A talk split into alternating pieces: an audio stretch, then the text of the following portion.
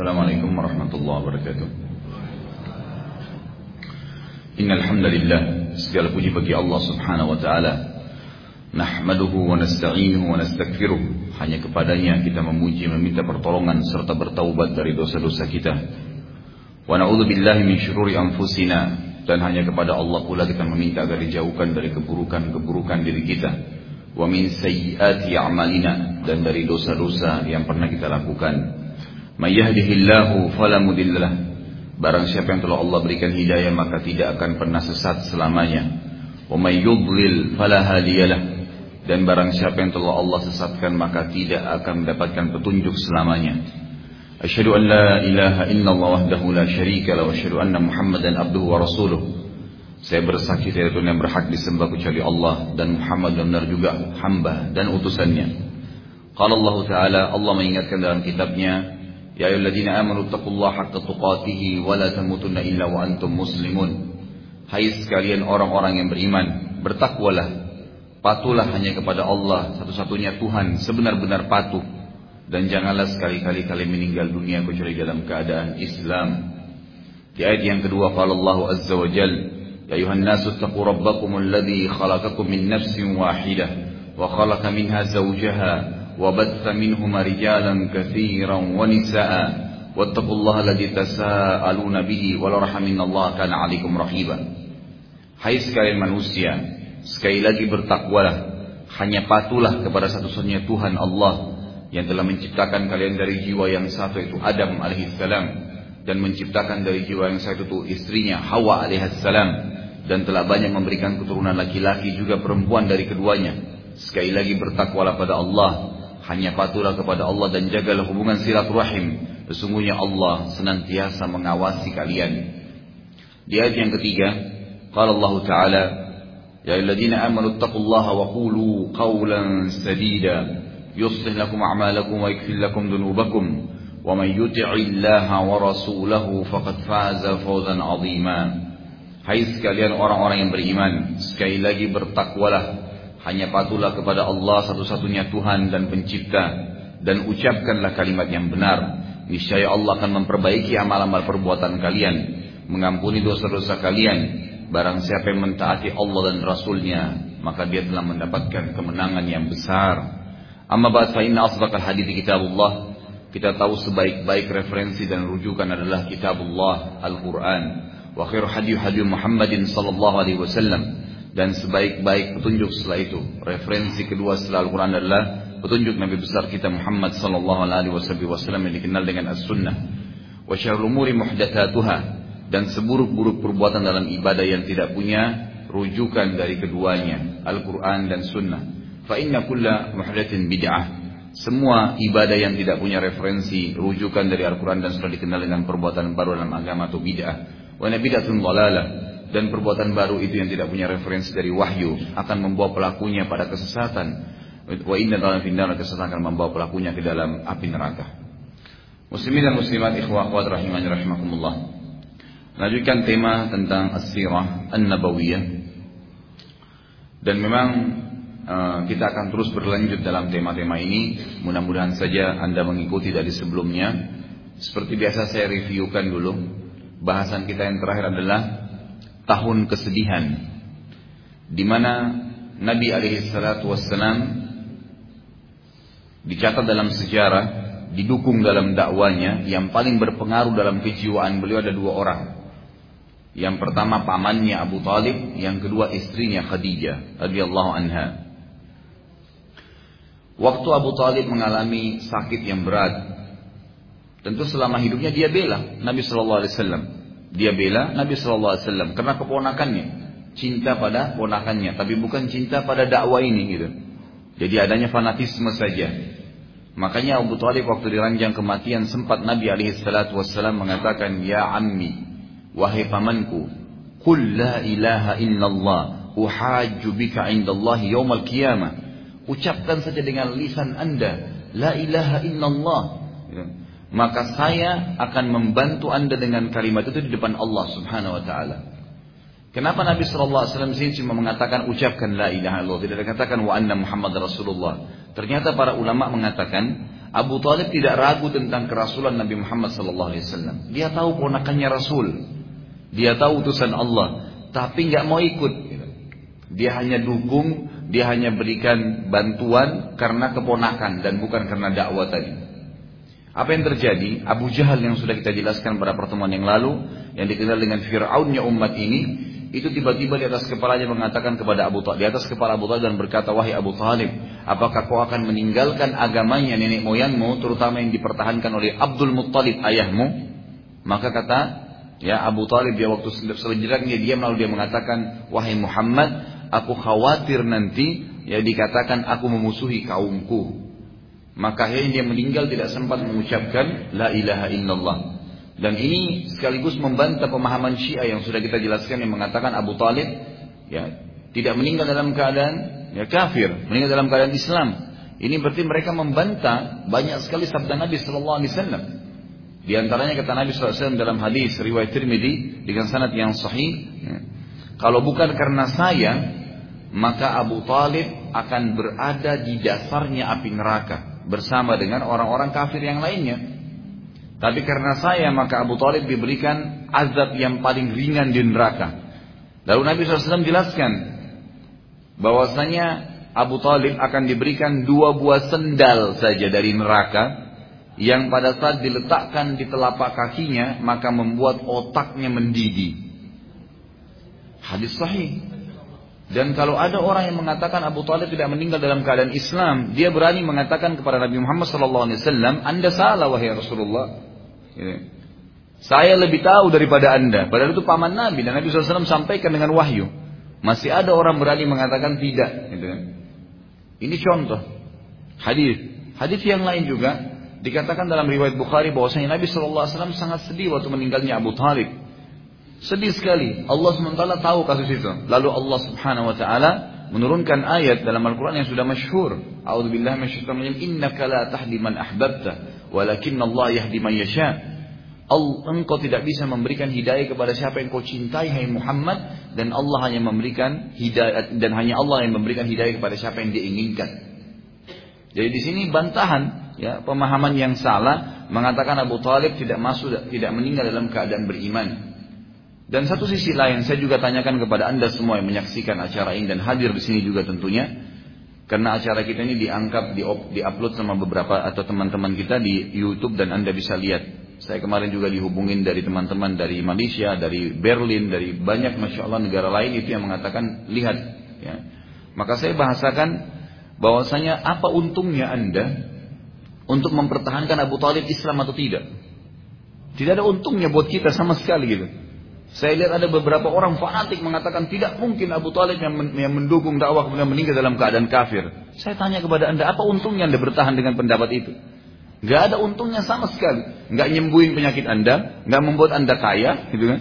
Gak membuat anda tanpa pintar. Lalu kenapa harus mempertahankan yang sudah jelas ada riwayat sahih yang mengatakan beli orang itu masuk dalam neraka, kan gitu? Jelas yang dia sampaikan adalah Rasulullah Sallallahu Alaihi Wasallam. Dan akan sering saya tekankan dalam banyak eh, pertemuan-pertemuan kita, bahwasanya siapa pun yang coba membantah setelah ada hadis Nabi Sallallahu Alaihi Wasallam, sama saja dia sedang mengatakan ya Rasulullah, anda tidak tahu dan saya lebih tahu. Berani sekali gitu. Nabi SAW mengatakan Abu Talib di neraka tidak, bukan di neraka. Ya. Seakan-akan membantah Rasulullah SAW. Kalau orang ini mengaku mencintai Nabi SAW maka dia sangat bohong, gitu kan? Gak mungkin. Kalau Anda mencintai Nabi SAW, Anda harus patuhi apa yang diucapkan. Selesaikan konsepnya begitu. Dan sebelum Nabi Muhammad SAW, ada orang yang yang juga Nabi yang sama kasusnya. Seperti Nabi Nuh AS, istri dan anaknya meninggal dalam keadaan kufur. Nabi Nuh di depan matanya, anaknya tenggelam di depan kapalnya. Meninggal dan dia lihat. Sampai dia menangis, dia mengatakan, Ya Allah, innahu min ahli. Wahai Tuhanku ini adalah bagian dari anakku, keluargaku. Allah SWT membantah mengatakan innahu laisa bin ahli. Dia bukan keluargamu lagi. Innahu amalun ghairu salih. Apa yang dia yakini tentang kekufuran tidak ada sama sekali hubungannya dengan kebaikan. Selesai, lupakan. Dan Allah SWT mengatakan kepada Nuh alaihissalam dan saya wa inni uiduka an takuna minal jahilin dan saya khawatir hai Nuh kamu akan menjadi orang yang jahil dalam sebuah asar yang sahih dikatakan Nabi Nuh alaihissalam waktu Allah katakan dan saya tidak mau nanti khawatir kau menjadi orang yang jahil. Nabi Nuh alaihissalam tidak berani mengangkat kepala kepalanya ke langit 40 tahun. Karena takutnya kepada Allah Subhanahu wa taala. Tadinya dia dukung anaknya, gitu kan? Tapi anaknya meninggal dalam keadaan kafir, selesai. Ya. Kita masih akan tetap ada hubungan selama memang keyakinannya sama, gitu kan? Tiket untuk ke akhiratnya sama, iman dan amal saleh. Dan ini penting sekali, gitu kan? Ini contoh. Juga sama, Nabi Ibrahim alaihissalam ayahnya Azar juga meninggal dalam keadaan kufur, gitu kan? Sama juga berhubungan dengan Abu Talib ini kedua orang tua Nabi Shallallahu Alaihi Wasallam. Nabi sudah tekankan itu. Banyak sekali orang ngotot mengatakan tidak mungkin ayahnya dan ibunya Nabi SAW meninggal dalam keadaan kufur. Kenapa anda berani mengatakan tidak mungkin? Sejarah mencatat memang seperti itu. Nabi Muhammad SAW mengatakan dalam hadis sahih pada saat beliau naik di atas mimbar mengatakan karena banyak sahabat yang sering tanya hal-hal yang tidak perlu gitu. Lalu beliau mengatakan naik di atas mimbar lalu mengatakan siapa pun ya siapa pun yang punya pertanyaan sekarang silakan ditanya. Ada seorang sahabat iseng bertanya dari Badui, dari orang-orang Mekah dulu yang hijrah termasuk orang-orang yang dari padang pasir gitu kan mengatakannya Rasulullah, di mana ayah saya? Di mana ayah saya? Maksudnya ayah saya meninggal dalam kubur sekarang di surga atau di neraka? Meninggal dalam keadaan kafir ayahnya jelas gitu. Lalu Nabi SAW mengatakan ayahmu di neraka. Orang itu marah keluar dari masjid. Nabi SAW suruh panggil kembali, tepuk dadanya Nabi mengatakan jangankan ayahmu, ayahku pun di neraka. Ayahku pun di neraka. Karena meninggal dalam keadaan nyembah berhala gitu kan? Tapi apakah ini mengurangi kadar ya, dan kedudukan Nabi Muhammad SAW di mata kita? Sama sekali tidak. Sama sekali tidak gitu kan? Tidak mengurangi. Dan memang itu takdirnya Allah Azza wa sekali lagi apa untungnya anda mau bertahan? Tidak ayahnya Nabi nggak mungkin meninggal dalam kufur loh ay jelas dalil-dalil menjelaskan bahwa saya meninggal ini tadi Nabi SAW yang mengatakan sendiri dalam hadis sahih saya ayahmu dan ayahku di neraka juga riwayat yang sahih riwayat Al-Hakim yang menjelaskan tentang ibu beliau, maka Nabi SAW mengatakan aku aku izin berinta izin kepada Tuhanku untuk menziarahi kuburan ibuku di Rabwah. Rabwah itu jarak antara Mekah dan Madinah. Meninggal di sana Aminah. Lalu aku diizinkan dan aku minta kepada Tuhanku agar beristighfar untuk ibuku aku dilarang. Nabi SAW dilarang istighfar untuk ibunya karena meninggal dalam keadaan kufur. Gitu kan? Ini dalil-dalil yang sahih. Sekali lagi, kalau ada orang yang ngotot mengatakan tidak mungkin Anda sedang mengatakan kepada Nabi Muhammad SAW, ya Rasulullah Anda tidak tahu. Ini terlalu berani terhadap ya Nabi Muhammad alaihissalatu. Sekali lagi kejadian ini tidak akan mengurangi kadar Nabi Muhammad sallallahu alaihi wasallam. Baik. Kurang lebih sebulan atau dua bulan setelah meninggalnya Abu Talib, meninggallah istri tercinta Nabi Shallallahu Alaihi Wasallam Khadijah radhiyallahu anha. Istri Nabi Shallallahu Alaihi Wasallam ini waktu itu satu-satunya istri Nabi ya, di Mekah karena Nabi SAW nanti akan menikah dan poligami itu di Madinah. Waktu di Mekah tidak. Waktu itu Nabi Shallallahu Alaihi Wasallam terpukul dengan meninggalnya Abu Talib maka orang-orang Quraisy makin berani menyiksa Nabi Shallallahu Alaihi Wasallam. Tapi karena masih ada Khadijah, kalau beliau capek, beliau letih, beliau sedih, pulang ke rumah, Khadijah masih menyambutnya, gitu kan? Dan kata para ulama juga, hikmah yang paling besar kenapa Khadijah lebih, lebih tua daripada Nabi SAW di awal dakwah, itu agar ada seorang wanita dewasa yang bisa menaungi dan bisa, bukan menaungi sebenarnya, bisa mendukung Nabi SAW. Jadi bukan anak-anak yang nanti akhirnya Nabi SAW ter, ter, terkuras waktunya di awal dakwah. Beda dengan pada saat hijrah ke Madinah, menikah dengan Aisyah di tahun 2 Hijriah, nanti akan kita bahas masalah itu. Itu memang Nabi SAW sudah dakwah sudah menyebar, beliau tinggal mengekspansi saja dan butuh kepada orang seperti Aisyah yang masih muda yang nanti Aisyah ini bisa nyebarin dakwah. Dan ternyata betul Aisyah banyak sekali menghafal hadis Nabi dari Nabi Shallallahu Alaihi Wasallam dan menjadi seorang ulamanya kaum muslimin gitu kan? Itu kurang lebih hikmah kenapa ada Khadijah di Mekah dan kenapa nantinya ada Aisyah di Madinah. Ada yang sangat tua dari Nabi SAW dan ada juga yang sangat muda. Baik. Setelah Khadijah radhiyallahu anha meninggal dan sebelum ya sebelumnya sempat saya singgung waktu itu bahwasanya Khadijah adalah satu-satunya istri Nabi Shallallahu Alaihi Wasallam ya setelah Maria itu yang memiliki anak. Yang lainnya tidak punya anak. Dan ada tujuh anak dari Khadijah. Itu kan ada Qasim dan Abdullah laki-laki. Sementara anak laki-laki Nabi SAW ada tiga. Yang satunya adalah Ibrahim tapi Ibrahim dari Maria Kiptiyah dari wanita istri beliau yang dari Mesir.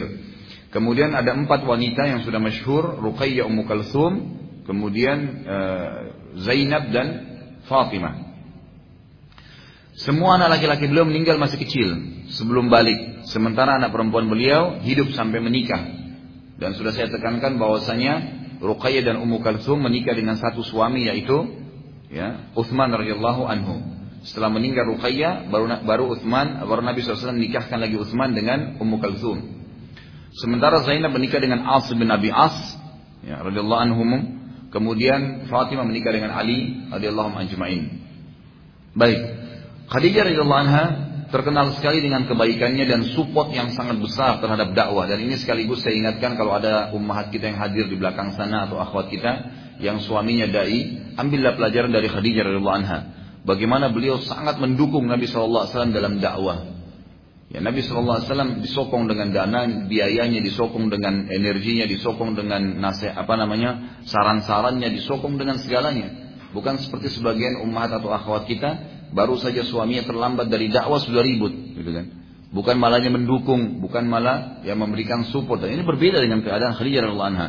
Makanya ulama mengatakan sifat paling mulia dari seorang Khadijah yang diambil oleh yang harus diambil oleh setiap muslim, terutama yang suaminya dai, itu mereka mendukung suami dalam setiap kegiatan dakwah dan bukan karena hanya sedikit sibuk ceramah saja atau nuntut ilmu di masjid lagi terutama di rumah Allah ya itu maka mereka sudah merasa terganggu mestinya diberikan support gitu kan. Kalau masalah Anda merasa kurang waktu, insya Allah. Ya, kalau saya sering bahasakan kepada istri saya, yang penting kita maksimalin waktu, akan berkah itu. Pulang, walaupun saya pulang malam jam 9, jam 10 malam, tidak ada masalah. Setelah itu kita bisa duduk ngobrol. Insya Allah setengah jam, satu jam aja duduk ngobrol. Itu sudah menghilangkan kejenuhan yang sehari menunggu. Bisa sebenarnya kalau kita maksimalin gitu kan. Cuma memang kita sendiri yang kadang-kadang diwaswas oleh syaitan untuk mengganggu ya kegiatan-kegiatan dakwah itu sendiri. Nabi SAW sempat berbicara atau menyebutkan dalam hadis Bukhari Muslim. Beliau mengatakan telah datang kepada saya Jibril alaihissalam dan berkata, sungguh Allah mengirimkan salam untukmu wahai Muhammad dan sampaikan berita gembira kepada Khadijah bahwasanya ia akan memiliki istana di surga yang terbuat dari permata dan di sana tidak ada keributan atau penuh dengan ketenangan dan tidak ada keletihan. Artinya kata para ulama hadis ini pertama fadilah buat Khadijah radhiyallahu anha jaminan masuk surga dan ada istana di surga. Yang kedua, ternyata istri yang mendukung suami dalam dakwah akan memberikan support-supportnya itu nggak sia-sia. Allah Subhanahu wa taala memberikan balasan yang sangat besar. Nah dengan kematian kedua orang ini maka Nabi SAW sangat terganggu, gitu kan? Secara kejiwaan beliau terganggu. Artinya di sini kejiwaan merasa berat karena tadinya kalau pulang ke rumah masih ada Khadijah, sekarang Khadijah meninggal. Kemudian pada saat juga di lapangan ada yang ganggu maka Abu Talib langsung turun tangan, gitu kan? Makanya beliau mengatakan tidak ada lagi siksaan Quraisy yang lebih pedih dari yang terjadi setelah kematian Abu Talib dan juga Khadijah. Baik, kita masuk ke poin baru pada hari ini insya Allah yaitu dakwah ke kota Taif.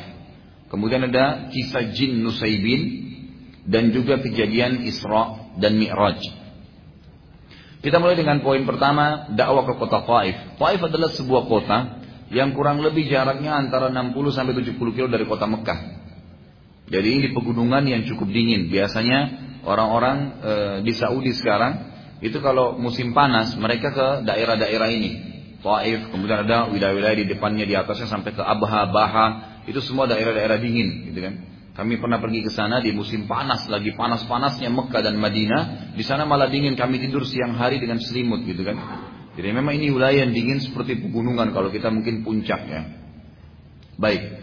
Kota Taif ini menjadi target Nabi Shallallahu Alaihi Wasallam setelah melihat Mekah tidak ada gunanya. Nabi Shallallahu Alaihi Wasallam waktu itu berdakwah di Mekah, ya, beberapa tahun yang masuk Islam totalnya semua di Mekah itu 153 orang saja. 83 orang ada di Habasyah yang hijrah ke Ethiopia dan ada 70 orang tinggal di Mekah bersama Nabi alaihi salatu wassalam. Sisi lain, selain sedikit sekali orang yang masuk Islam pada saat itu, juga siksaan dan gangguan orang-orang Quraisy makin jadi-jadi setelah dua orang tadi meninggal itu. Sebelum meninggalnya Abu Talib yang menyiksa dan mencaci maki hanyalah pemuka-pemuka Quraisy saja. Tapi setelah Abu Talib meninggal dengan Khadijah, maka yang menyiksa dan menghina hampir seluruh masyarakat Mekah yang kafir, baik itu orang e, orang tua, anak-anak, laki-laki, perempuan, Buddha, orang bebas, semua mencaci maki Islam, itu kan menghina. Karena mereka dimotivasi oleh orang-orang tua mereka atau tuan-tuan mereka atau sahabat-sahabat mereka. Orang itu oleh karena itu Nabi Shallallahu Alaihi Wasallam akhirnya ingin mengembangkan dakwah dan coba wilayah lain selain Mekah. Dan yang paling tepat pada saat itu adalah kota Taif karena paling dekat dengan kota Mekah, terjangkau dengan jalan kaki. Ya. Jadi naik kuda atau unta atau jalan kaki dan jalannya masih lebih mudah dibandingkan kota-kota lain gitu. Kalau ke Madinah itu masih butuh sekitar 3-4 hari pada zaman itu ya. Kalau naik kuda, kalau jalan kaki mungkin bisa lebih lama lagi, mungkin bisa seminggu bahkan lebih. Kalau ke kota Taif berbeda. Dan perlu anda tahu bahwasanya Nabi SAW ke kota Taif ini jalan kaki, tidak pakai kendaraan. Sejarak 60 sampai 70 kilo jalan kaki. Itu sangat jauh sebenarnya. Tapi Nabi SAW begitulah berdakwah di awal Islam itu butuh juhud yang luar biasa. Makanya di awal dakwah itu memang butuh juhud. Ada orang kadang-kadang dai-dai kita ini mau gencar berdakwah di satu masjid setelah apa? Ada dai-dai lain yang sudah membuka jalan, baru dia mau. Awalnya nggak mau nyentuh masjid, kan gitu. Awalnya merasa nggak usah di sana banyak ahli bid'ah, sana banyak orang syirik, di sana banyak begini. Loh terus siapa yang mau mendakwai mereka kalau anda tidak mau? Mestinya anda masuk di sana gitu kan? Bahkan kalau kita menjadi pemicu awal, insya Allah maka setiap orang yang datang setelah itu sudah aman, gitu kan? Sudah tidak ada masalah, malah lebih mudah dan kita akan panen pahalanya.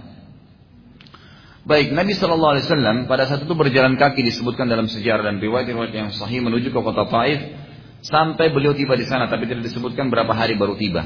Ya, karena Nabi SAW tidak sampaikan itu, maka yang cukup adalah beliau tiba di kota Taif. Lalu beliau langsung bertemu dengan pemuka Taif. Dan ini termasuk strategi dakwah yang bagus. Kalau kita masuk ke satu lokasi dan tidak dikenal, cari tokoh masyarakatnya siapa. Karena kalau tokoh masyarakatnya bisa didakwahi, maka lebih mudah mendakwahi masyarakatnya umumnya. Tapi kalau langsung ke masyarakat dan tokohnya nolak, maka dia bisa nanti menggejolakkan masyarakatnya untuk nolak dakwah itu. Nabi SAW segera ke, kota, ke pimpinan kota Taif yang pada saat itu kebetulan terdapat tiga orang ya, yang menjadi pimpinan kota Taif. Sebenarnya ayahnya mereka yang raja tapi ayahnya meninggal dan ketiga ini jadi pemimpin ya. Tidak ada yang tidak ada yang menggantikan ayahnya tapi tiga-tiganya menggantikan ayahnya. Yang pertama bernama Abdul Yalail, Abdul Yalail dan yang kedua Mas'ud, yang ketiga Habib. Tiga orang ini terkenal kepala suku daripada atau pimpinan kota Taif. Abdul Yalail, Mas'ud dan Habib. Baik. Ketiga orang ini pada saat ayah mereka Amru bin Umarah ini Raja Kota Taif meninggal dunia, maka ketiganya menjadi pemimpin. Nabi SAW minta izin untuk menyampaikan dakwah beliau, lalu diizinkanlah oleh mereka. Pada saat itu Nabi SAW karena salah satu tokoh masyarakat Makkah, jadi dia sambut. Setelah disampaikan tentang Islam pada mereka, Nabi SAW membacakan ayat-ayat Al-Quran gitu kan. Maka yang paling pertama muncul di benak tiga orang ini, karena Nabi SAW mengatakan kan, ikuti saya. Kata-kata ikuti saya, dengan mengimani ada Tuhan namanya Allah, tidak ada Tuhan yang berhak disembah kecuali Allah. Jangan sembah berhala dan saya utusan Allah. Apa hukum yang saya tentukan dari wahyu Allah, maka wajib dipatuhi. Yang pertama muncul di benak tiga orang ini, kerajaannya akan hilang. Jadi mereka mengira bahwasanya Nabi Wasallam itu akan merebut kerajaan mereka dan ketiga ini akan tunduk kepada Nabi Wasallam sehingga mereka tidak jadi raja lagi. Itu yang muncul di benak mereka. Padahal sebenarnya sebagaimana kita sudah tahu bersama-sama, setiap kali Islam diekspansi di sebuah lokasi, tidak ada perebutan lokasi.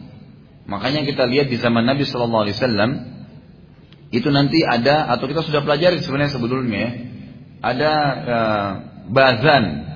Bazan ini adalah salah satu gubernurnya ya, uh, Raja Persia di Yaman atau lebih tepatnya di Bahrain, itu kan di Jazirah Arab juga. Waktu Nabi SAW mendakwai dia dan dia masuk Islam, Nabi SAW tidak ganggu. Nggak pernah minta sumbangan dari bazan, nggak pernah suruh bazan turun dari jabatannya, nggak pernah. Syahadat selesai. Inilah hukum Allah terapin. Kamu sholat, kamu zakat, kamu ini haji, disebutin. Selesai. Nggak pernah diganggu kerajaannya. Bahkan Nabi SAW tidak pernah mengutus sahabat untuk tinggal di di Bahrain pada saat itu.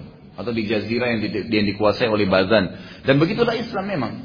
Jadi kalau kita ekspansi Islam ke satu negara, kita nggak minta kerajaannya direbut, enggak kok, gitu kan?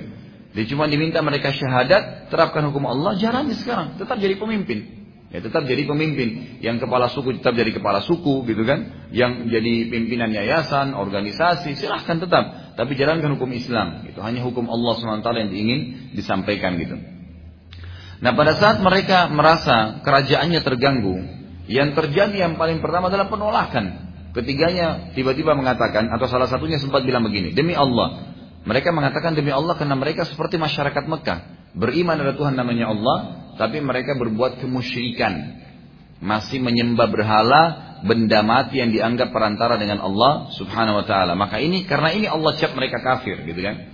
Seperti saya katakan dua hari banyak kita juga di Indonesia ini dalam sholatnya mengatakan iya karena na'budu wa karena nasta'in hanya kepadamu kami menyembah hanya kepada kami minta tolong ya kan begitu selesai sholat pergi kuburan sebelah masjidnya minta-minta ke kuburan itu menganggap ada pohon keramat masih menggunakan jimat masih ada keris yang dianggap keramat dan seterusnya menggantungkan nasib pada benda yang mati gitu kan maka ini syirik nggak boleh makanya kita langsung berhubungan dengan Allah azza wajalla Kata Nabi SAW dalam hadis Sahih riwayat Tirmidzi, hendaklah seseorang di antara kalian meminta kepada Tuhannya apa pun termasuk tali sendalnya yang putus. Langsung minta kepada Allah Azza wa Jalla. Enggak butuh perantara Allah itu. Enggak ada operatornya. Langsung setiap saat bisa berdoa kepada Allah Subhanahu wa taala. Dia mengatakan demi Allah, aku tidak akan beriman padamu walaupun dinding Ka'bah runtuh. Karena dia anggap kerajaannya akan direbut, gitu kan. Jadi dia langsung menolak spontan gitu. Yang satu lagi berkata demi Allah aku tidak akan mengajakmu berbicara lagi. Saya tidak mau dengar lagi. Cukup. Dan yang ketiga mengatakan bila engkau benar Nabi maka sungguh berbahaya aku bicara denganmu. Kenapa? Karena kerajaanku bisa kamu rebut. Gitu kan?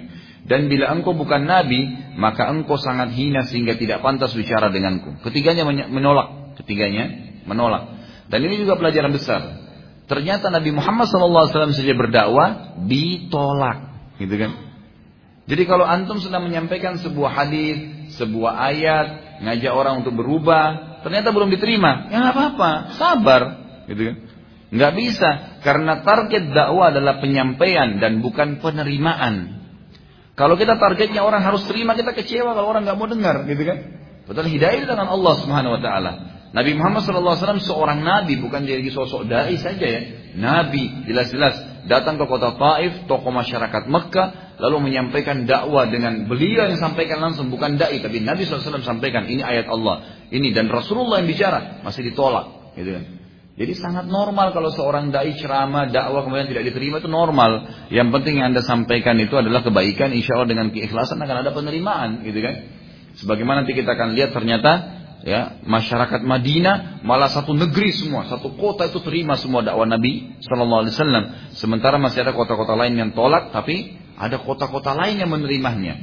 Dan juga nanti akan kita lihat kalau seorang dai sudah ber, uh, sudah berdakwah di satu lokasi dan ternyata penolakannya frontal sekali, misalnya ada penyiksaan, ada segala, maka dia lebih baik hijrah ke tempat lain, kan gitu. Dan ini kita ambil pelajaran dari pelajaran atau dari kasus Nabi Shallallahu Alaihi Wasallam di kota Taif.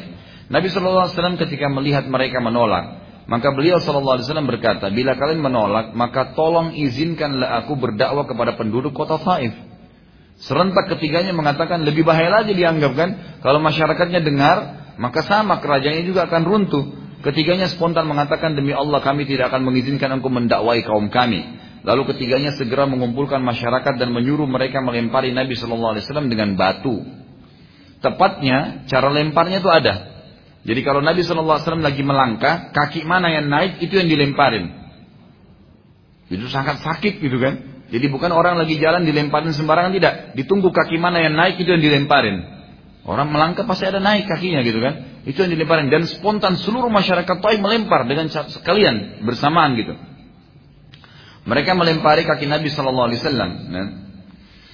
Sampai akhirnya kaki Nabi Shallallahu Alaihi Wasallam keduanya berdarah dan akhirnya beliau Shallallahu Alaihi Wasallam keluar dari kota Taif karena melihat tidak ada lagi manfaat menyampaikan dakwah sementara mereka menolak ambil pelajaran besar nanti. Saat pulang menuju ke kota Mekah di tengah perjalanan, tepatnya di kebun salah seorang yang nanti akan terbunuh di perang Badr ya, pimpinan Quraisy yang bernama Utbah dan Syaibah. Dua-dua ini nanti akan pada saat kita bahas perang Badr, mereka lah dua korban pertama di perang Badr nantinya, gitu kan? Orang-orang seperti kita sekarang lah, sering mungkin tinggal di Jakarta tapi punya tanah di puncak, punya perkebunan di mana, gitu kan? Nah mereka-mereka juga orang Mekah ini punya perkebunan antara Taif dan Mekah gitu. Termasuk dua orang ini. Keduanya lalu, kedua termasuk pemuka Quraisy. Kebetulan saat itu mereka berdua sedang berada di kebun mereka. Lalu Nabi SAW karena letih sekali, sudah capek sekali jalan, bayangkan 70 kilo jalan kaki gitu kan. Tapi ini belum sampai ke kota Mekah ya, masih sudah dekat kota Mekah. Dan disebutin sisa berapa kilo. Ini adalah Nabi SAW tanpa tanpa sengaja gitu, duduk di depan kebun mereka di depan pagar kebun Utbah dan Syaibah ini. Nabi SAW pada saat sementara istirahat dan kelihatan dari kaki beliau keluar darah, beliau keringatan, kelihatan capek sekali gitu. Utbah dan Syaibah sempat merasa prihatin dengan Nabi SAW waktu itu, kasihan. Akhirnya dia mereka mengutus salah satu budak mereka yang bernama Abdas. Abdas ini budak bekerja di kebun situ. Ya, kalau kita mungkin pekerja, tapi zaman dulu kan memang budak diperjualbelikan gitu. Abdas ini kebetulan beragama Nasrani. Kebetulan beragama Nasrani. Tugasnya dia pada saat itu menjaga kebun dan pada saat itu juga disuruh oleh Utbah dan Syaibah ngantarin coba, ngantarin air dan kurma beberapa butir untuk Nabi Shallallahu Alaihi Wasallam. Saat mengantarkan makanan kepada Nabi Shallallahu Alaihi Wasallam, Nabi SAW berterima kasih pada dia. Kemudian waktu mengambil kurma, Nabi SAW sempat mengatakan Bismillah. Satu kalimat saja, Bismillah sambil beliau makan. Abdas lalu heran dan bertanya, dari mana anda mempelajari kalimat tersebut. Sementara orang Arab tidak pernah tahu kalimat itu. Enggak ada orang Arab walaupun itu bahasa Arab tahu kalau mau makan baca bismillah, kalau mau minum baca bismillah belum pernah. Enggak ada kehidupan orang Arab begitu. Tapi orang-orang yang pernah mempelajari agama dari langit seperti misalnya agama Nasrani, agama Yahudi, tahu itu bismillah gitu. Dengan nama Allah, gitu.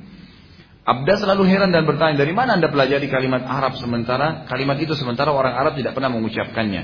Beliau Shallallahu Alaihi Wasallam bertanya pada Abdas, siapa namamu? Abdas berkata, aku Abdas.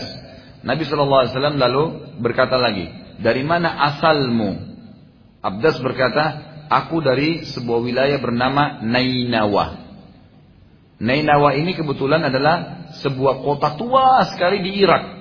Kota tua sekali, salah satu kota jadi bukan negeri ya, tapi kota saja, sebuah kota. Nenawa. Nenawa ini dulu adalah tempat dakwanya Yunus bin Matta. Nabi Yunus alaihissalam. Jadi itu lokasi dakwanya. Sudah lama nih ceritanya kan dulu. Nabi Yunus sudah lama sekali kan sebelum Nabi Musa jauh. Lalu berkata si Nabi Nabi SAW berkata waktu, waktu Abdas berkata aku dari Nenawa. Maka Nabi SAW mengatakan kamu dari kota orang saleh yang bernama Yunus bin Matta, Abdas heran. Karena orang Arab tidak seorang pun yang pernah tahu kota Nainawa. Apalagi masyarakat Mekah. Jauh. Artinya tidak mungkin ada orang Mekah tahu karena itu sangat jauh. Dan memang tidak disebutkan dalam kitab-kitab yang ada. Bagaimana bisa Nabi Shallallahu Alaihi Wasallam tahu kota itu sementara kota itu sangat jauh. Apalagi tahu kalau itu kotanya Nabi Yunus alaihissalam. Lalu Abdas bertanya, dari mana dan bagaimana anda bisa tahu tentang kotaku, negeriku, dan juga tentang Yunus bin Matta? Kata Nabi Wasallam, ia adalah saudaraku. Ia seorang nabi, aku pun seorang nabi. Yunus nabi, saya juga nabi, sama. Makanya saya tahu. Abdas lalu akhirnya menyadari bahwasanya Nabi SAW bukan orang biasa. Yang ia pun akhirnya duduk mendengarkan beberapa perkataan Nabi SAW dan mencium kepala Nabi SAW. Utbah dan Syaibah waktu tadi melihat budaknya mengutus antar ini cuma hitungan detik saja nih. Ya. Waktu lihat kejadian Abdas cium kepala Nabi SAW, bingung mereka. Lalu Utbah bin Syaibah ya, mengatakan satu sama yang lainnya sambil heran, coba lihat bagaimana Muhammad dengan cepat sekali merusak budak kita, gitu kan? Dianggap ini merusak budaknya. Kenapa tiba-tiba budaknya tadinya ya tidak apa-apa, tidak kenal, tiba-tiba cium kepalanya dan mencium kepala bagi orang Arab ini adalah penghormatan yang luar biasa gitu. Sampai hari ini, Anda kalau lihat di majelis-majelis ilmunya para ulama di Saudi, itu kalau sudah mau bubar biasanya dahinya dicium, gitu kan, atau kepalanya mereka dicium para ulama itu.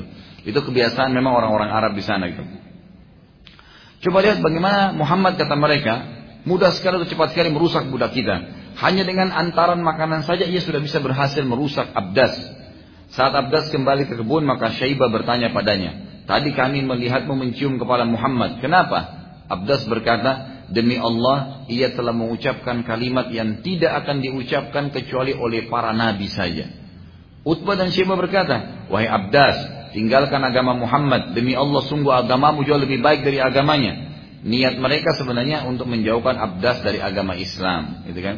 Dan memang sebenarnya karena Abdas ini juga orang yang awam, tidak tidak berarti tidak kental memahami agama Nasrani dan dia waktu dikatakan oleh Syaibah dan Utbah lebih kau dengan agamamu saja, maka dia hanya tertarik dengan perkataan itu dan tidak berlanjut lagi komunikasi dengan Nabi alaihi salatu wassalam.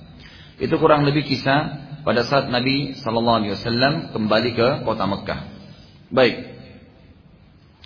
Berlanjutlah pada saat itu melihat kondisi yang sangat sulit. Nabi Sallallahu Alaihi Wasallam berdoa kepada Allah Subhanahu Wa Taala. Di situ di depan kebunnya Utbah dan Syaibah.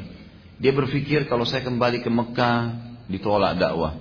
Ke kota Taif ditolak dakwah. Apa yang saya harus lakukan sekarang? Lalu Nabi SAW ucapkan doa yang masyhur. Beliau mengatakan, A'udhu binuri wajhika alladhi qad ashraqat bihi dhulumat. Wa saluha bihi amru dunya wal akhirah.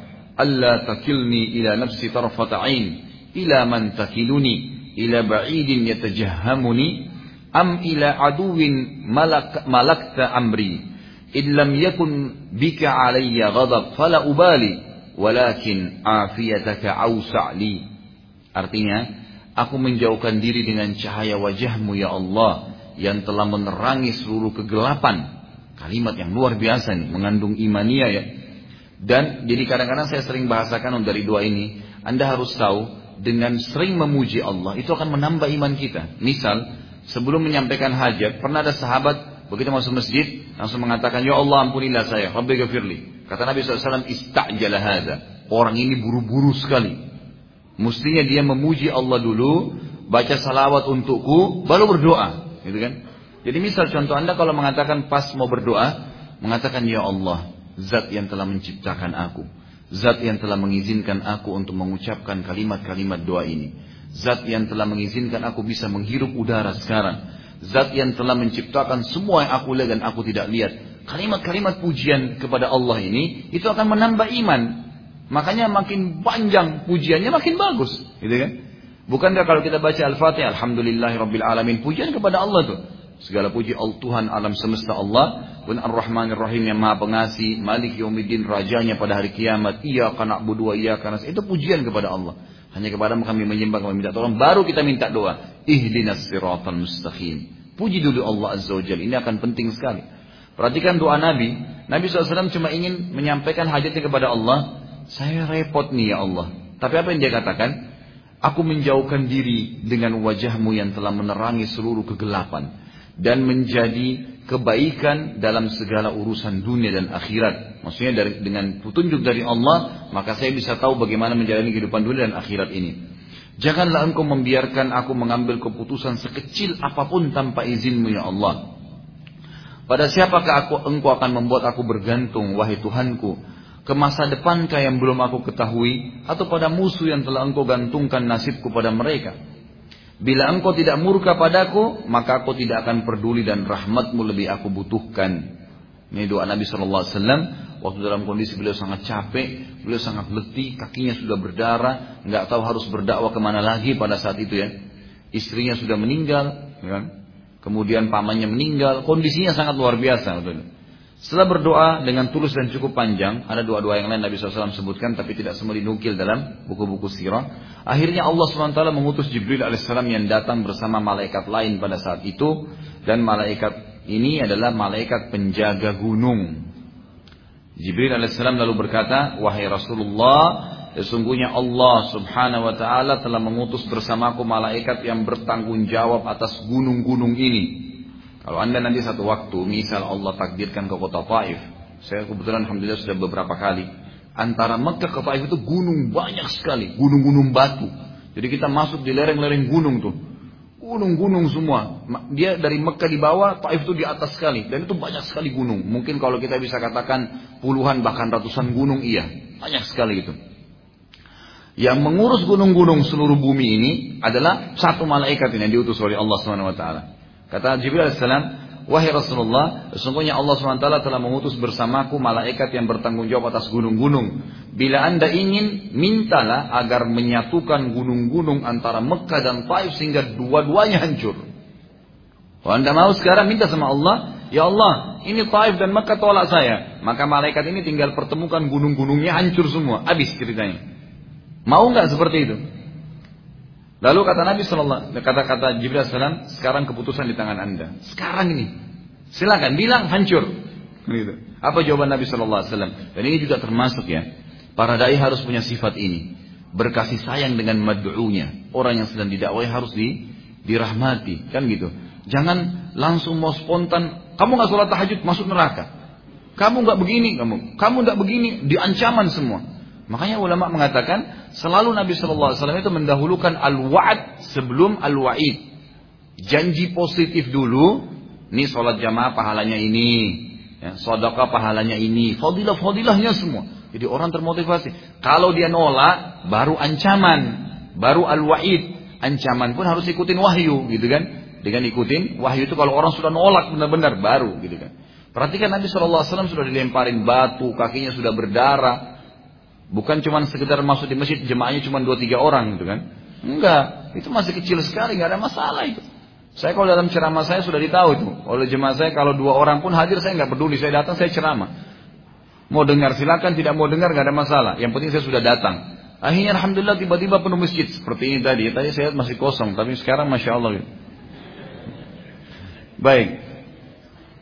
Waktu itu Nabi Shallallahu Alaihi Wasallam berkata apa? Perhatikan kasih sayangnya terhadap mad'unya. Beliau tidak ingin buru-buru menurunkan azabnya Allah karena penolakan. Karena manusia kadang-kadang memang punya godaan syaitan, punya masa di mana dia apa namanya jenuh, di mana dia bisa menerima dakwah, kapan dia bisa terima, kapan tidak. Ada saat-saatnya semua. Maka kata Nabi Shallallahu Alaihi Wasallam tidak. Tetapi aku akan bersabar dan berharap agar Allah Subhanahu Wa Taala mengeluarkan dari keturunan mereka orang-orang yang beriman kepada Allah. Maka kata para ulama, karena Nabi SAW menolak penyiksaan tadi, keluarlah dari kota Taif. Cukup satu orang sebenarnya. Satu Taif sekarang kan sudah beriman. Sekarang sudah beriman, kota beriman luar biasa. Tapi pada saat itu keluar satu orang yang kita sudah kenal semua namanya. Kalau baca hadis pasti tahu. Abu Hurairah. Abu Hurairah ini dari kota Taif. Yang kalau tadi Nabi SAW bilang hancurin, nggak ada hadis ini. Karena beliau penghafal hadis yang luar biasa gitu kan. Dari kota Taif. Dari suku Daus namanya. Itu suku Daus, suku aslinya kota Taif. Keluar seorang orang Abu Hurairah yang datang ke Madinah beriman, gitu kan? Lalu menghafal tiap hari kerjanya itu cuma tunggu depan rumah Nabi. Nabi SAW keluar dilihat cara jalannya bagaimana, pakai baju apa, sisir rambutnya seperti apa, apa yang Nabi ucapin semua, gitu kan? Semua beliau ikutin, radhiyallahu anhu. Itu contoh. Dari Mekah juga keluar, karena ini dua kota. Ada Abu Bakar, ada Umar, ada Uthman, ada Ali, ada Talha, ada Zubair, ada sahabat-sahabat yang mulia. Keluar semua dari generasinya banyak beriman kepada Allah. Bahkan kita akan pelajari nanti dalam pembebasan kota Mekah dari kekufuran. Itu Abu Sufyan sendiri pimpinan Quraisy masuk Islam. Gitu kan? Karena kesabaran Nabi Sallallahu Alaihi Wasallam. Gitu kan? Jadi dakwah sabar memang. Harus sabar. Sabar itu dalam ketaatan kepada Allah, beribadah. Sabar juga dalam kemaksiatan. Jangan sampai terus dalam kemaksiatan, butuh kesabaran. Maka sabar dalam hal ini penting sekali. Yang penting kita benar, lalui saja jalannya, insya Allah akan ada fa'inna ma'al usri yusra.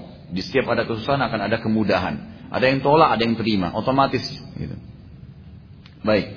Saat tiba di Mekah, Nabi Shallallahu Alaihi Wasallam sempat ragu karena khawatir. Beliau secara, sebagai fitrah sebagai manusia khawatir, gitu kan? Sekarang kondisinya akan diganggu dan disiksa karena sudah tidak ada lagi pembelanya hampir seluruh orang Mekah, musyrik Mekah selain sahabat-sahabat itu membenci Nabi SAW dan dakwah. Maka beliau pun Wasallam sempat menyurati seseorang tokoh Quraisy yang bernama Ahnas, ya, bin Shuraik. Ini salah satu pemuka Quraisy yang memang kalau dia memberikan perlindungan biasanya didengar gitu.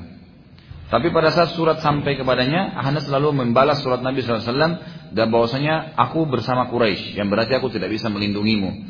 Lalu Nabi SAW berpikir lagi, siapa kira-kira pemuka Quraisy yang bisa diminta perlindungan? Lalu beliau menyurati lagi seseorang bernama Suhail bin Amr. Suhail bin Amr ini yang menulis kesepakatan Hudaybiyah nanti. Ada kita akan pelajari nanti insya Allah. Itu sebelum haji wada ada namanya kesepakatan Hudaybiyah, gitu kan? Suhail pun sempat menolak dan berkata, aku bersama dengan Quraisy, nggak bisa. Kalau Quraisy semua memerangi kamu, saya juga ikut memerangi kamu. Lalu Nabi SAW coba menyurati lagi seseorang bernama Mut'im bin Adi. Ini juga salah satu pemuka Quraisy lagi. Dan ini salah satu dari lima orang yang sempat mencabut ya kesepakatan pemboikotan ya Abdul Muttalib eh, Abu Abu Talib dengan suku-sukunya yang sudah kita pelajari pertemuan yang lalu sebelum tahun kesedihan gitu. Lalu dikatakan orang ini kebetulan punya pribadi yang memang lebih mendahulukan kemuliaan daripada permusuhan, maka Mut'im pun setuju. Dan Nabi SAW sempat memasuki Mekah karena perlindungan Mut'im bin Adi. Keesokan harinya Nabi SAW tawaf di Ka'bah dan Mut'im bin Adi membawa keenam anak laki-lakinya semua. Dan anak laki-lakinya dan Mut'im ini memakai perlengkapan perang. Pedang, perisai, jalan. Nabi SAW lagi taif didampingi oleh Mut'im dengan keenam anak laki-lakinya. Dan Quraisy menyaksikan hal tersebut. Abu Jahal lalu mendatangi Mut'im seraya berkata, dia tahu Abu Jahal tahu ini Mut'im adalah tokoh Quraisy, nggak mungkin bisa dibendung gitu. Lalu dia mengatakan, wahai Mut'im, apakah engkau jadi pengikutnya atau hanya melindungi? Kata Mut'im, melindungi. Kata Abu Jahal, demi Allah bila engkau telah menjadi pengikutnya, maka pasti kami akan memerangimu. Tetapi bila engkau hanya melindungi itu hakmu. Dan ini rahasia kenapa Nabi SAW bisa masuk ke Mekah lagi. Awalnya sudah sulit, sudah sulit sekali gitu. Namun keadaan muslimin pada saat itu sudah sangat terpojok, maka Nabi SAW mulai mencari dukungan dan lahan dakwah baru yang lain selain Taif dan Mekah. Akhirnya Allah Subhanahu wa taala ingin meringankan untuk nabinya sallallahu alaihi wasallam, maka Allah mengutus kepada beliau bukan lagi golongan manusia, tapi golongan jin yang dikenal dengan jin Nusaibin. Jadi saya katakan tadi di poin kita ini ada dakwah kota Taif ini sudah selesai. Sekarang kita pindah ke poin kedua adalah jin Nusaibin. Dan setelahnya kita akan masuk ke kisah Isra dan Mi'raj. Baik.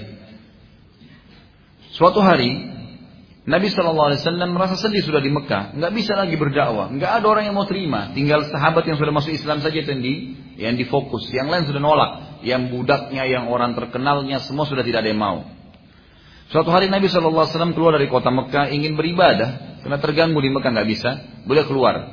Yang ditemani oleh seorang sahabat yang mulia dan bernama Abdullah bin Mas'ud radhiyallahu anhu, yang terkenal sahabat yang mulia. Jalan dengan beliau wasallam, lalu Nabi wasallam pada saat tiba di suatu tempat, beliau wasallam berkata kepada Ibnu Mas'ud, "Tunggulah di sini dan jangan berpindah juga jangan datang kepadaku sampai aku memanggilmu."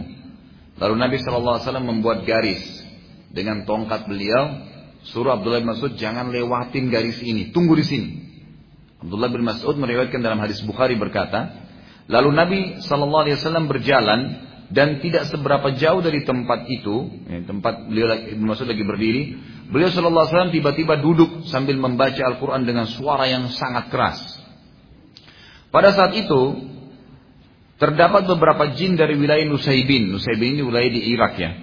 Ada beberapa jin dikatakan jin Nusaibin sedang lewat dan sedang mencari tahu kejadian apa yang sedang terjadi di muka bumi sampai-sampai mereka tidak bisa lagi mendengarkan langsung berita-berita dari langit. Jadi sebelum Nabi SAW diutus, itu jin dalam hadis Bukhari dikatakan saling susun-susun. Satu, dua, tiga, sampai ke langit. Ini anda bisa bayangkan nih bagaimana jauhnya itu ya. Sekarang saja para ilmuwan dengan teknologi canggih mengatakan mustahil manusia bisa menjamah langit dengan tangannya, nggak mungkin.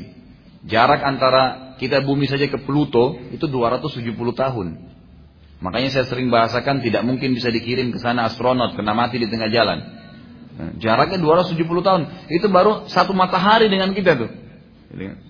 Bagaimana dengan bintang-bintang yang lain yang sekian miliar tahun jaraknya dari bumi. Semua masih pada di bawah langit pertama. Tapi jin-jin ini bisa bersusun-susun. Sampai ke langit pertama.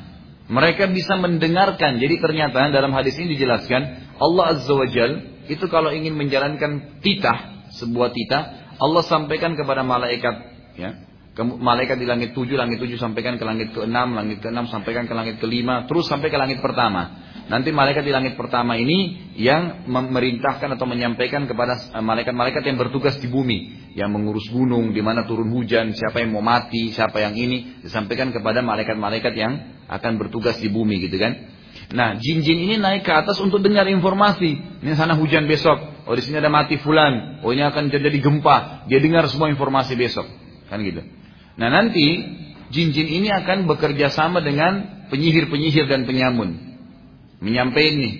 Ini kami dapat informasi di sana hujan. Nanti kamu sampaikan. Besok hujan di sana supaya pengikutnya percaya sama si dukun-dukun ini. Nanti akan kita bacakan dalam surat jin tentang kisah ini bagaimana bekerja samanya manusia dengan jin dan sampai hari ini sampai hari kiamat akan terjadi itu. Tetap akan ada bekerja sama dan ini dilarang dalam Islam ya. Perlu Anda ketahui bahwasanya tidak boleh interaksi dengan jin dengan alasan apa pun, gitu kan. Nabi SAW mengatakan dalam hadis Bukhari pada saat beliau sedang selesai sholat, beliau mengatakan, tadi waktu saya sedang sholat ada jin setan yang coba mengganggu saya. Lalu saya menangkapnya dalam sholat. Hadis sahih ini. Lalu saya menangkapnya dalam sholat. Tiba-tiba saya teringat perkataan Sulaiman yang berkata, Ya Allah, karuniakanlah saya kerajaan tidak layak untuk orang sebelum dan sudah saya. Maka saya melepaskan dia. Kalau tidak, maka saya akan ikat jin itu di pohon di Madinah agar anak-anak Madinah mempermainkannya. Tapi di sini Nabi SAW sendiri tidak interaksi, dilepaskan oleh Nabi SAW. Kata ulama berarti tidak boleh memang manusia berinteraksi orang Muslim. Walaupun anda alasan oh muslim tetap tidak boleh. Tidak tidak boleh. Tidak boleh menikah sama mereka. Makanan mereka berbeda. Perhitungan waktu mereka berbeda. Dan anda tidak butuh jin karena anda butuh Allah Azza wa Jal. Gak usah jin untuk apa? Pasti dia minta imbalan. Anda bilang tidak. Nggak mungkin. Itu sudah Al-Quran yang berbicara seperti itu. Mereka akan bekerja sama dengan manusia dan minta imbalan dari situ.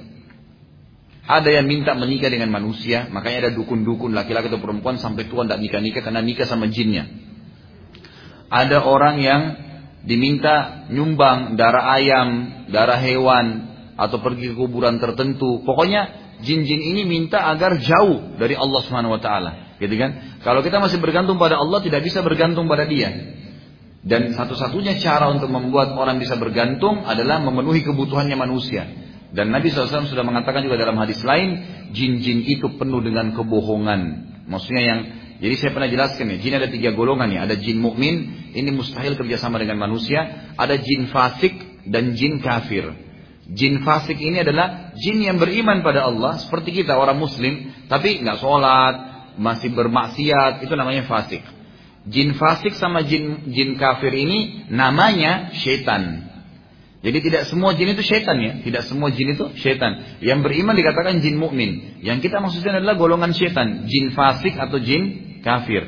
Jadi orang-orang yang mengatakan saya pelihara jin muslim itu jin fasik itu.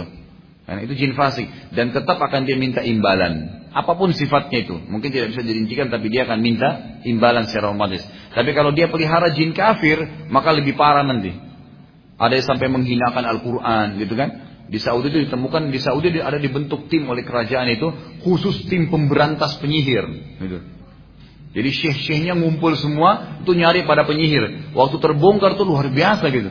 Ya, kalau jin-jin yang kafir itu mereka menyuruh Al-Quran dihinakan sampai ditemukan tuh Al-Quran pernah ditaruh di kloset kamar mandi.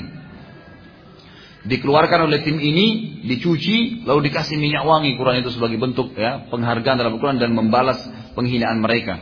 Kan gitu.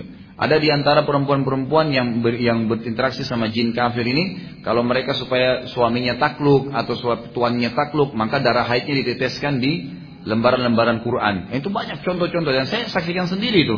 Bagaimana cuplikan-cuplikannya itu. Dan cukup banyak yang berhubungan dengan masalah-masalah seperti ini.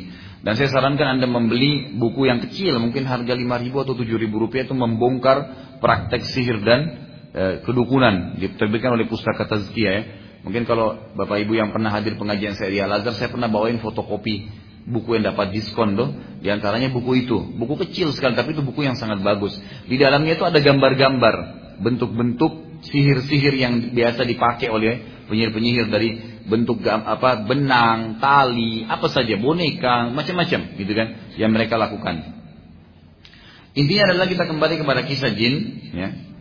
Jin-jin ini mereka selalu naik ke atas mendengarkan apa yang akan terjadi besok untuk bekerja sama dengan penyihir-penyihir dan penyamun yang pada saat itu memang kebanyakan menguasai dunia, gitu kan? Allah ceritakan tentang kisah ini dalam surah Jin urutan 72 ayat 9. A'udzu billahi minasyaitonir rajim wa anna kunna naq'udu minha maq'ida lis-sam' faman yastami'il ana yajid lahu shihaban rasada dan sesungguhnya dahulu kami dapat menduduki beberapa tempat di langit untuk mendengarkan berita-berita. Tetapi sekarang berita maksudnya apa yang terjadi besok, gitu kan? Tetapi sekarang barang siapa yang mencoba mendengarkannya tentu akan menjumpai panah api yang mengintai atau membakarnya. Dikatakan dalam hadis Bukhari yang lain bahwasanya Nabi SAW bersabda, jin-jin dulu mereka harus susun untuk mendengar berita dari langit. Setelah aku diutus, kata Nabi SAW, maka uh, jin-jin apa langit itu dijaga oleh malaikat-malaikat. Dijaga oleh malaikat-malaikat. Yang malaikat-malaikat ini memegang bintang-bintang yang dipakai untuk memanah jin-jin itu. Makanya kan fungsi bintang itu kan ada tiga ya. Untuk rujuman di syayatin. Memanah setan-setan yang datang mendengarkan berita. Kemudian dalam, dalam ayat yang lain di surah Al-Mulk dijelaskan itu zina, perhiasan. Inna zayyana sama'ad dunya, gitu kan? Bizinatil khawaqib. Dan kami hiasi muka bumi, eh, langit bumi ini dengan bintang-bintang, ya. Wa hifdhan min kulli syaitanin eh, dan untuk, untuk menjaga juga dari syaitan-syaitan yang datang, gitu kan? Kemudian fungsi yang ketiga adalah menjadi petunjuk bagi orang di lautan, di mana-mana itu fungsi bintang-bintang. Fungsi bintang-bintang itu yang dijelaskan oleh Allah Subhanahu wa taala. Baik. Saat Nabi sallallahu alaihi wasallam ya sedang membaca Al-Qur'an tadi, ternyata jin-jin dari Nusaibin ini kan lagi keliling di muka bumi. Mereka sempat bilang dari lanjutan hadis Bukhari tadi, lalu jin-jin ini berkata, pasti ada penyebabnya. Kenapa langit sekarang dijaga? Dulu sebelum Nabi Muhammad SAW itu tidak ada. Boleh zaman Nabi Musa, Nabi Daud, semua Nabi sebelum Nabi itu mereka masih bisa dengar. Makanya masih bersaing antara dakwah Nabi dengan para penyihir ini gitu kan. Setelah Nabi SAW itu tidak bisa lagi. Malaikat jaga. Mereka dipanahin. Walaupun masih ada yang sempat lolos tapi sedikit gitu kan. Itu pun sempat dipanah. Nanti akan dijelaskan juga dalam surah jin itu bagaimana Allah Subhanahu wa taala menjelaskan ada di antara mereka yang sempat lolos mendengarkan sedikit langsung mereka turun lagi. Dan itu pun dipanah oleh para malaikat tadi. Waktu mereka bilang, akhirnya mereka bilang pasti ada sesuatu terjadi di muka bumi, nggak mungkin. Ada penyebabnya nih, kenapa tidak tidak bisa dengar lagi. Maka sekelompok jin Nusaibin keliling di, di, di muka bumi ini pas lewat di Mekah dan melewati tempat Nabi Muhammad SAW lagi baca Quran tadi. Nah ini sebenarnya dengan hikmah Allah SWT. Allah memang yang sengaja mengutus jin-jin ini gitu kan. Saat melewati Nabi SAW jin-jin Nusaibin ini mereka pun berhenti dan berkumpul untuk mendengarkan apa yang Nabi SAW sedang baca. Ini menandakan jin itu membaca, gitu kan? Dan bukan mustahil jin itu juga hadir dalam majelis ilmu. Ya, bukan mustahil sekarang sebelah anda ada jin. Tapi nggak usah takut. Nggak perlu takut kecuali kepada Allah subhanahu wa ta'ala. Kata Ibnu Mas'ud radhiyallahu anhu yang meriwayatkan hadis ini, aku melihat sekelompok makhluk laki-laki yang kepala mereka seperti kendi-kendi besar. Ibnu Mas'ud sempat lihat gitu kan. Lalu aku pun berdiri karena khawatir akan keadaan Nabi Shallallahu Alaihi Wasallam. Lalu Nabi SAW memberikan isyarat agar aku tetap duduk. Nabi tahu maksud akan berdiri. Nabi kasih isyarat, gitu kan? Tidak boleh tetap duduk. Karena banyaknya jin yang datang mendengarkan Al-Quran sampai kata Ibnu Mas'ud, aku tidak bisa lagi melihat Nabi Shallallahu Alaihi Wasallam karena dipenuhi oleh orang-orang ini yang kepalanya seperti kendi-kendi dan mereka tinggi besar, gitu kan? Allah Subhanahu wa taala menceritakan tentang kejadian tersebut masih lanjutan surah jin tadi. Jadi kita dibahas banyak surah jin karena memang surah jin menjelaskan tentang masalah itu. Surah jin urutan 72 ayat 19 menceritakan tentang bagaimana Nabi sallallahu alaihi wasallam dikerumuni oleh jin-jin Nusaibin itu. A'udzubillahi minasyaitonir wa annahu lamma qama 'abduhu Abdullah yad'uhu kadu yakununa alaihi libada. Dan bahwasanya sewaktu hamba Allah Muhammad sallallahu alaihi wasallam berdiri hendak menyembahnya dengan membaca Al-Quran, hampir saja jin-jin itu desak, mendesak untuk mengerumuninya. Ini ayat Quran, surah jin ayat 19. Saat mendengarkan Al-Quran, maka jin-jin tersebut jadi memahami apa saja yang telah terjadi. Termasuk penipuan iblis kepada mereka, bahwasanya ada sesembahan selain Allah. Jadi kisahnya begini. Iblis ini sebenarnya golongan jin. Salah kalau ada yang mengatakan iblis itu rajanya jin, salah. Kan gitu. Iblis bukan seperti Adam alaihissalam, bukan. Adam adalah ayah kita semua. Kalau iblis bukan. Kata ulama tafsir yang paling kuat pendapat waktu Allah Subhanahu wa taala menyuruh, menyuruh iblis untuk sujud, gitu kan. Itu sebenarnya ada jin-jin. Gitu kan. Makanya para malaikat mengatakan Ya Allah, waktu Allah ingin menciptakan Adam, apakah engkau akan menciptakan makhluk nanti membuat kerusakan di muka bumi? Kata para ulama tafsir, jumhur ulama mengatakan bahkan, yang dimaksud adalah, apakah nanti seperti jin-jin yang akan buat kerusakan di muka bumi? Jadi sebelum kita sudah ada jin tinggal di bumi ini. Hewan-hewan itu sudah ada. Allah taala sudah ciptakan. Tumbuh-tumbuhannya sudah ada. Manusia datang nyusul setelahnya. Karena awalnya manusia diciptakan oleh Allah Subhanahu wa taala itu di surga. Nabi Adam AS di surga. Kan gitu. Jadi memang ini bumi berbeda, bukan memang belum kita ada di sini gitu. Tapi jin-jin sudah ada. Makanya Allah SWT mengatakan apa tentang iblis? Karena minal jinni fafasaqa an ambi rabbi. Karena minal jin maksudnya iblis itu salah satu dari golongan jin, bukan pimpinannya. Fafasta karena berobi tapi dia tidak mau ikuti patuh perintah Tuhannya. Nah kata sebagian ulama tafsir juga, ternyata waktu Allah Azza wa menciptakan Adam, yang hadir di situ iblis. Masih jin-jin lain yang tidak hadir, gitu kan? Nah waktu Nabi Wasallam membaca Al-Quran ini, ternyata iblis ini membuat propaganda di antara jin-jin. Di antaranya, dia mengatakan bahwasanya ada Tuhan selain Allah. Syirik, berbuat syirik didakwai itu dan dia mengajak agar orang-orang bisa atau jin-jin bisa ikut dengan dia. Dan perlu Anda tahu, yang menjadi pasukannya iblis sekarang ini, ya, yang paling banyak itu keturunannya dia. Jadi keturunan dia, bukan jin umumnya. Karena jin banyak yang beriman dan tidak mau ikut dengan dia, tidak mau ikut dengan iblis. Nanti akan kita jelaskan dalam surah jin ayat 1 sampai ayat 18 menceritakan masalah itu. Kita akan baca panjang lebar sebentar gitu kan. Tapi ini membuktikan bahwasanya iblis itu bukan pimpinan, bukan raja, jin. Seperti sering digambarkan gitu kan. Tidak. Dia salah satu dari golongan. Dan iblis sangat lemah. Garis bawah ini. Iblis sangat lemah. Begitu juga pengikutnya. Makanya Allah mengatakan, Inna kaidah syaitani kana dha'ifa. Golongan syaitan itu sangat lemah. Mereka tidak bisa buat apa-apa gitu Lemah, tidak bisa buat apa dengan manusia. Yang bisa cuma bisikin, cuman apa membuatlah bisikan ya tiupan sehingga kita mengantuk kalau mau ibadah. Tidak bisa apa-apa. Jin tidak bisa menjelma pegang tangan kita suruh kita berzina nggak bisa. Dia nggak punya kekuatan untuk itu. Allah SWT sudah batas jadi sangat lemah. Allah sudah mengatakan lemah. Kekuatan dia cuma satu menakut-nakuti manusia. Seakan-akan sudah sesuatu yang menakutkan tidak. Kalau orang yakin dan paham ini dia tidak akan takut kecuali kepada Allah Azza wa Jal. Kalau anda lagi jalan sendiri anda ketakutan itu dari setan, permainan iblis dan pengikutnya, gitu kan? Anda harus yakin ada rakib dan atid yang sama dia tidak kelihatan, gitu kan? Yang sedang mendampingi kita. Ada Allah Azza wa Jalla menciptakan semua sedang mengawasi kita dan tahu Allah Maha mendengar, Maha mengetahui dan Allah Subhanahu wa taala jauh lebih kuat daripada semua ini. Itu tidak ada apa-apanya jin itu. Baik, Waktu mereka sudah mulai berkumpul di sisi Nabi Shallallahu Alaihi Wasallam, akhirnya mereka jadi faham, jin-jin ini jadi faham, selama ini iblis sudah menipu mereka, yang mengatakan ada sesembahan selain Allah. Nanti akan kita baca ayat surah jin, bagaimana jin-jin ini mengatakan, wa kana safihuna, dan dulu orang bodoh dari kami, maksudnya iblis. Dia mengatakan Allah syatata. Dia mengatakan bahwasanya Allah itu masih ada sekutunya.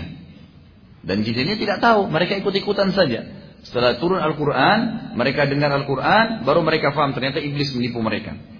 Dan dalam hadis lain saya katakan tadi paling banyak mengikuti iblis adalah eh, anak cucunya. Sebenarnya dalam hadis Bukhari Muslim, bahwasanya Nabi SAW bersabda, iblis memiliki singgasana di atas lautan dan ia ingin menyaingi Allah dan tidak akan pernah bisa dia nyaingi Allah karena Allah singgasananya di atas air. Maka dia juga sengaja di lautan, gitu kan? Kemudian tiap hari, tiap saat anak cucunya, kata-kata anak cucu perhatikan ya, melapor perbuatan-perbuatan mereka. Ada yang mengatakan saya baru membuat orang berantem, saya baru membuat orang bohong, saya baru membuat orang beriba, mencuri, segala macam-macam. Bagi iblis semua dianggap laporan biasa. Sampai ada anak cucunya yang mengatakan saya baru menceraikan suami istri. Diangkat oleh iblis didudukkan di sebelah singgasananya. Karena dianggap itu prestasi paling tinggi.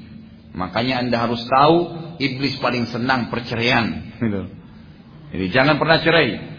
Godanya apa pun istiada, lawan, perbaikin. Tantangan hidup anda itu. Gitu kan? Kenapa harus cerai? Perbaikin kalau memang jelas-jelas dia fasik, memang ahli maksiat tidak bisa dipertahankan silakan. Kalau memang orang baik, untuk apa dicerai? Gitu kan? Dan untuk apa bercerai? Itu syaitan semua. Kadang-kadang masalah kecil mungkin gara-gara air segelas bisa jadi masalah besar dalam rumah tangga. Karena kata para ulama, kalau di luar rumah tangga itu satu syaitan yang goda anda dalam rumah tangga bisa seribu. Gitu kan? Macam-macam bisa dimasalahkan oleh iblis ini. Baik, sekali lagi jadi iblis bukan rajanya syaitan, eh bukan rajanya jin, tapi dia pimpinan para syaitan. Betul memang. Pimpinan para syaitan. Siapa syaitan? Golongan jin yang fasik dan orang jin yang kafir. Pengikut dia kebanyakan anak cucunya. Ada juga dari golongan jin tapi yang fasik, yang bukan keturunan dia ada. Jadi bukan iblis satu-satunya sumbernya, bukan seperti Adam. Penting ya. Kalau manusia dari Adam dan Hawa. Tapi jin bukan semua dari iblis. Dalilnya adalah Allah SWT ceritakan dalam surah Jin urutan 72 ayat 1 sampai ayat 18.